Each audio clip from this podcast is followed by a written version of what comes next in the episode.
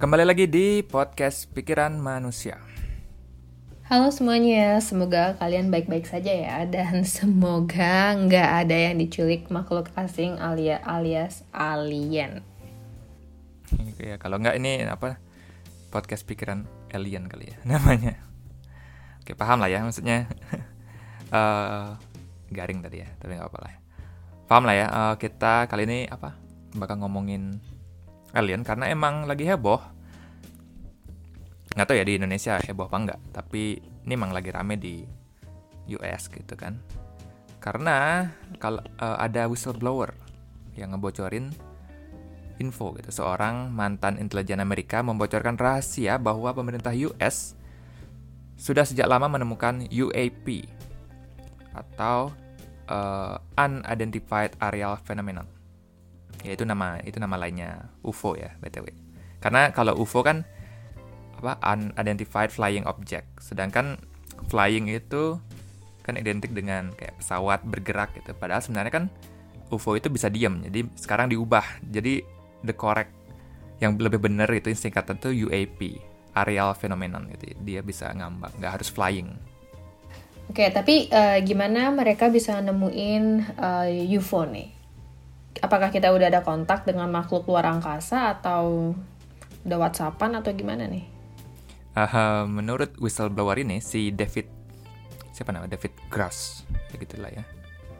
Uh, orang-orang uh, dia dia orang orang intelijen US mantan mantan sorry mantan intelijen US uh, kata dia UAP yang didapat oleh US ini itu yang udah jatuh yang udah crash tabrakan atau apalah. Dan yang bikin heboh adalah pasti tanya Kongres itu kan dia ditanya uh, sama Kongres senator eh, senat di US. Dia udah disumpah gitu kan. Uh, apakah ada pengemudinya di dalam pesawat tersebut? Ada pilotnya nggak? Dia jawabnya gini. Dia bilang ada dan dia bilang non-human biological matter. Jadi pilotnya itu adalah makhluk bio biologis tapi bukan manusia itu beneran gak sih? Uh, uh, terus kenapa tiba-tiba gitu si David ini ngaku uh, dan ngebocorin gitu hal yang sangat sangat sangat sangat rahasia bagi US ya menurut si David sih bagi dia keberadaan UFO atau UAP ini harusnya jadi penget apa milik milik publik. Dan jangan dan bukan jadi rahasia negara gitu. Katanya sih gitu Walaupun pas ditanya Pentagon dikonfirmasi lagi ke pemerintah US-nya katanya nggak nggak bohong, bohongan dia, dia bohong gitu, nggak beneran. Terus si siapa nih yang jadi sus suspek nih gitu kan si David atau si uh, si Pentagonnya nih? Kita jangan ngomongin UFO dulu dah, UFO dulu dah kejauhan gitu kan. Alien itu sendiri ada apa enggak sih gitu? Ya bukan di bumi ya, tapi di planetnya masing-masing lah di sono no, di luar no. Apakah ada kehidupan lain di luar sana? Atau kita benar-benar sendirian nih di semesta yang luar biasa luas sangat amat sangat ini. Nah, untuk menjawab ini kita harus paham yang disebut dengan Fermi paradox. Jadi, pada uh, tahun 1950 seorang fisika fisikawan bernama Enrico Fermi lagi ngobrol nih nongkrong sama teman-temannya. Dan seperti biasa obrolan anak tongkrongan gitu ya. Apalagi kalau apalagi kalau bukan sekedar sekitaran UFO. Tapi karena mereka sama-sama fisikawan, obrolannya nggak nggak nggak ngaco lah kayak kita, pakai hitungan-hitungan yang akurat. Nah sekarang kita coba ngitung ya kayak mereka gitu. Galaksi di alam semesta ini aja ada galaksi ini nih ya, 200 miliar. Terus ada berapa triliun bintang gitu di sana. Terus berapa triliun planet dalam berapa triliunan tata surya gitu kan banyak banget. Iya ya nggak usah lah fokus ke galaksi yang jauh-jauh deh dulu tuh.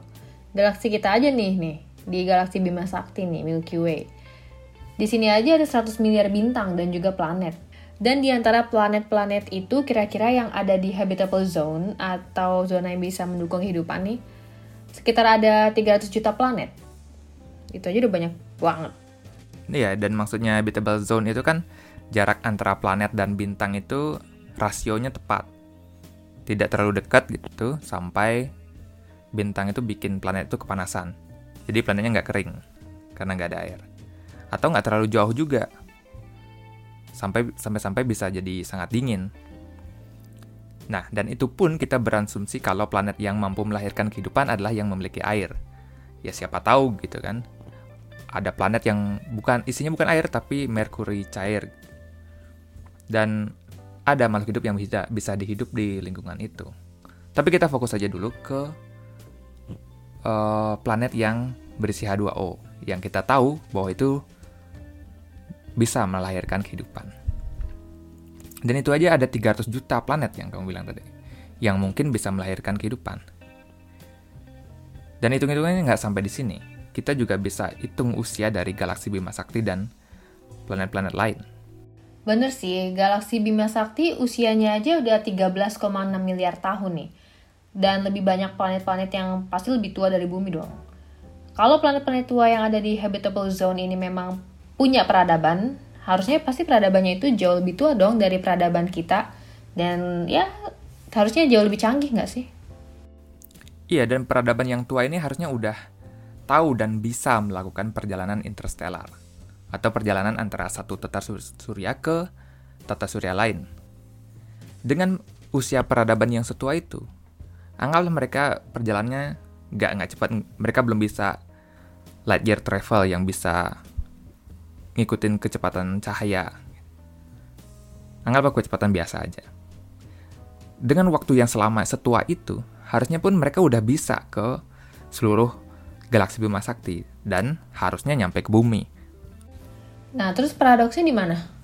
Ya itu, paradoksnya adalah dengan perhitungan tadi bahwa jumlah habitable zone di di galaksi Bima Sakti itu banyak dan usia planet-planet juga tua, dan dengan perhitungan jarak tadi mereka harusnya juga bisa nyampe bumi. Semua ini menunjukkan bahwa harusnya kita pernah dikunjungi alien.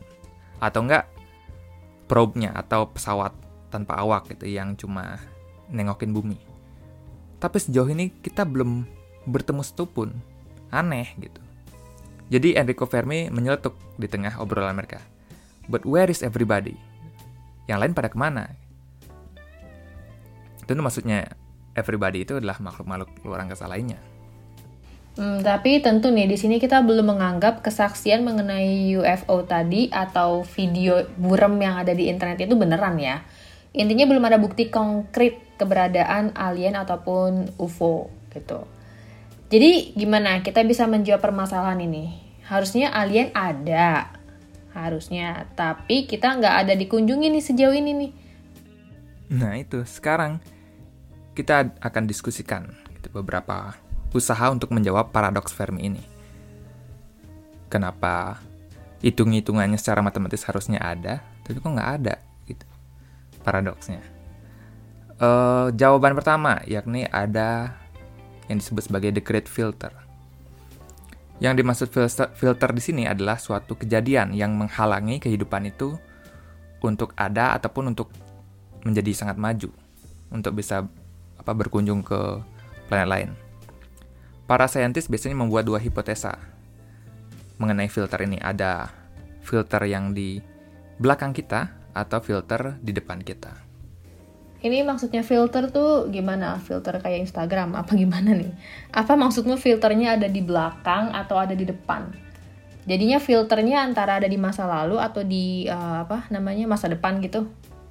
Benar. Ka uh, apa? Filter yang di masa lalu dulu ya kita bahas.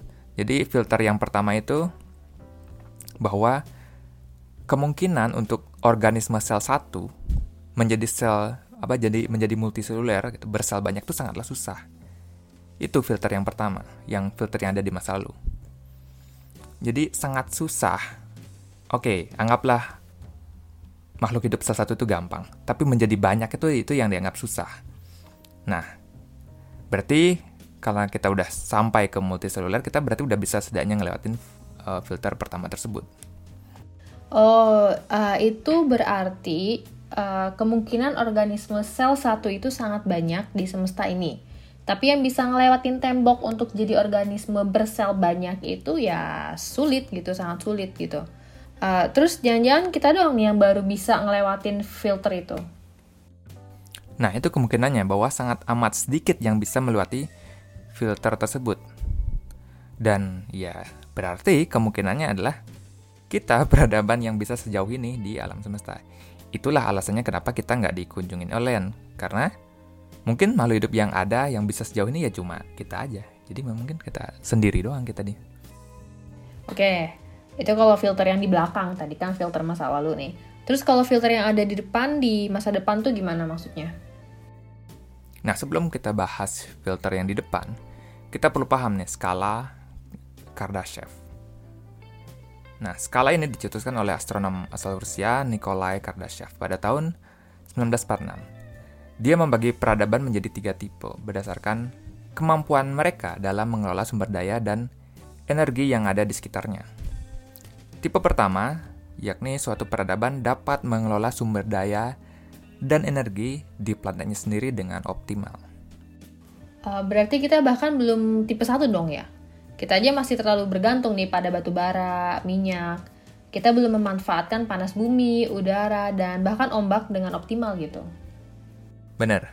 Kemungkinan kita sekarang berada di skala 0,72 menurut Carl Sagan.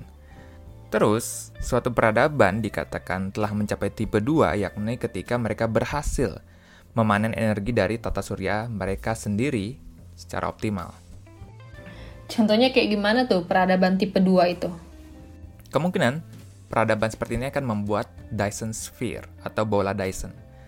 Nah, daripada kita repot mencari energi ke mana-mana, harus ini, harus itu, lebih baik kita fokuskan nyari energi sumber energi ke sumber energi yang paling kuat di tata surya kita yakni apalagi kalau bukan bintang yang terdekat kalau di kasus kita ya matahari teknologi Dyson Sphere ini kayak panel surya sebenarnya. Tapi kita nggak taruh di bumi nggak nggak ditaruh di atas genteng di atap atau apa.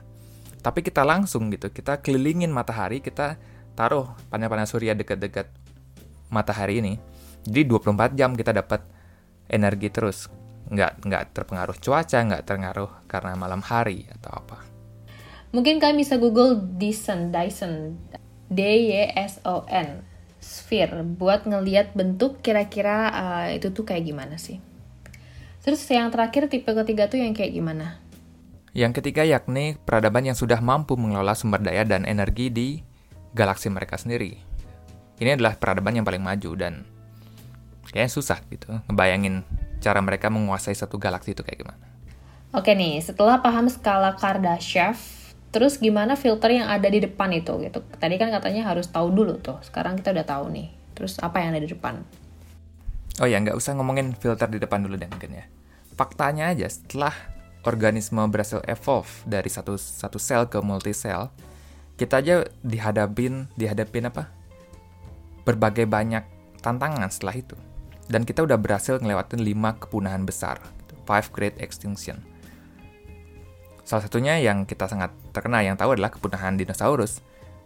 Kalau aja meteornya lebih gede gitu kan, ya bumi bukan hancur total dan ya bumi akan jadi clean, tidak ada makhluk hidup lainnya.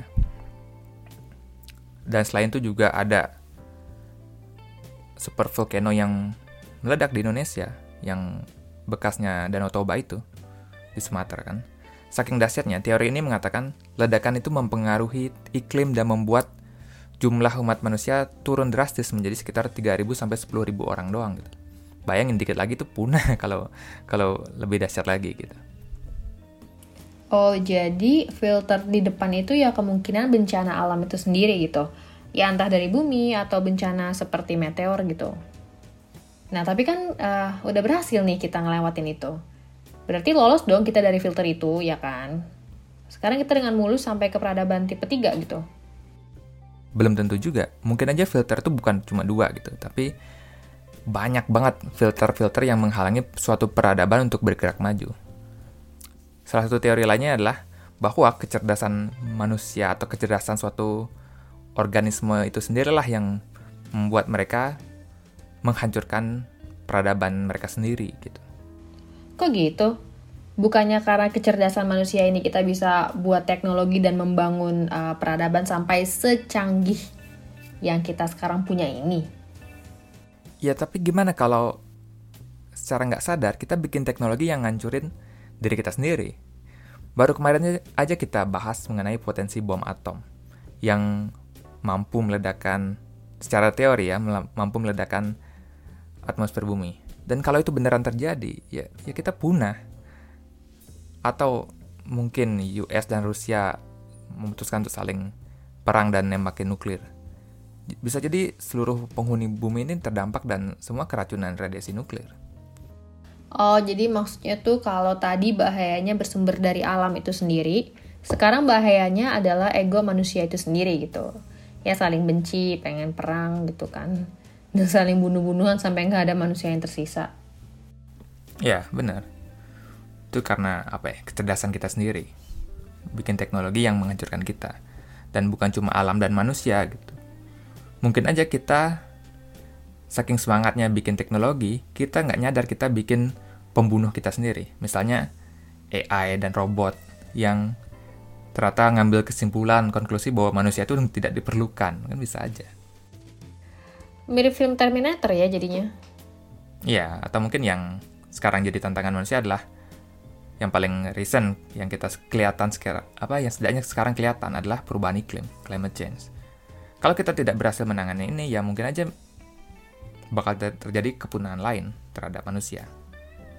Mungkin mungkin nggak punah ya tapi setidaknya kacau lah jadi distopia Oke, jadi karena ada filter-filter yang ya bikin suatu peradaban alien susah masuk untuk bisa mencapai tipe 3 dan menjung dan mengunjungi bumi. Makanya sampai sekarang masih sepi aja nih bumi nih. Gitu, seakan-akan kita sendiri nih. Bener, sampai sekarang pun kita masih nyari-nyari sinyal sinyal radio atau sinyal gelombang apalah dari planet lain. Ada institut yang bernama SETI atau The Search for Extraterrestrial Intelligence mereka mencoba mengirim sinyal keluar bumi dan juga mencoba menangkap sinyal dari luar. Kayak kan pernah mungkin ada ya, kalian pernah lihat di Google ada ratusan apa puluhan kayak parabola gitu di di desert di apa sih gurun pasir di US. Nah itu coba nyoba ngirim sinyal dan coba nangkep. Walaupun sampai sekarang belum ada hasil, belum ada sinyal yang ketangkep. Hmm, terus kalau berhasil gimana tuh? Kenapa kita tuh ngira alien yang datang itu tuh bakalan yang baik gitu? Ya yang sopan, santun gitu kan. Gimana kalau malah kayak pas manusia datang ke peradaban yang lebih rendah aja gitu? Bisa dihancurin gak sih kita nih? Nah sebenarnya ada juga ketakutan ini. Bahwa mungkin aja memang ada peradaban yang melewati filter-filter itu dan mencapai peradaban tipe 3 dan peradaban yang tua ini menghancurkan peradaban-peradaban yang lebih muda seperti kita. Mereka mengambil sumber daya dari planet tersebut dan pergi, gitu aja. Ya kayak Eropa menjajah ke negara-negara lain dan habis itu udah pergi gitu. Jadi menurut beberapa orang ini adalah tindakan konyol gitu untuk mengirim sinyal keluar angkasa untuk ngasih tahu koordinat kita di mana, malah diundang gitu kan tolol gitu dianggap sama beberapa orang ini. Tapi itu kan ketakutan akan cerminan sifat manusia aja nggak sih? Dan kan belum tentu juga nih alien punya sifat penjajah nih kayak kita gitu. Ya mungkin aja sebenarnya masih ada banyak banget teori mengenai alasan kenapa kita belum ketemu alien. Misalnya uh, ada teori yang bilang karena peradaban mereka sangat maju, mereka udah bisa bikin simulasi sendiri. Simulasi dunia di dalam menggunakan komputer kuantum atau apa ya udah mereka upload pikiran kesadaran mereka sendiri ya mereka tinggal di simulasi simulasi tersebut dan bahagia tanpa ada repot-repot makanannya itu. Jadi mereka nggak bahkan nggak ada kebutuhan untuk pergi keluar mencari kehidupan lain. Ya udah mereka hidup di The Matrix saja kayak gitu. Itu salah satunya. Nah masih ada banyak kalian bisa cari-cari tapi itulah garis besarnya dan mungkin uh, next mungkin ya nggak jangan sekarang kita bisa bahas lagi dampak kalau memang alien itu ada terus apa dampaknya ke kita? Misalnya dampaknya kepada agama. Karena kan terdapat apa doktrin bahwa manusia doang nih yang ada di alam semesta dan kita makhluk spesial di mata Tuhan. Terus kalau ternyata ada alien bisa aja itu tergoncang gitu tapi mungkin nanti aja. Oke. okay menarik ya. gimana nih menurut kalian? Apakah ada alien di luar sana beneran gitu? Atau emang kita sendirian aja nih di semesta yang seluas jagat raya ini? Kok lu semesta di seluas jagat raya? Itu perbandingan yang ya, sama. di semesta yang luas di semesta yang luas banget banget banget banget banget ini. Ya mungkin uh, dengan dengerin ini kalian bisa jadi lebih apa ya keren di tongkrongan ya kalian bisa bahas gitu kan kalian bisa jelasin ini ada Fermi Paradox nih terus ada Great Filter Oh ya, episode kali ini didukung oleh Bos Tang lagi ya. Thank you udah mau dukung episode yang kali ini. Oh ya, hampir lupa ya. Mungkin kita emang apa taruh di akhir aja uh, di akhir episode untuk siapa-siapa aja yang ngirim dukungan per minggunya. Oke? Okay? Itu aja. Thank you. Jangan lupa follow di Spotify buat yang belum. Bye-bye.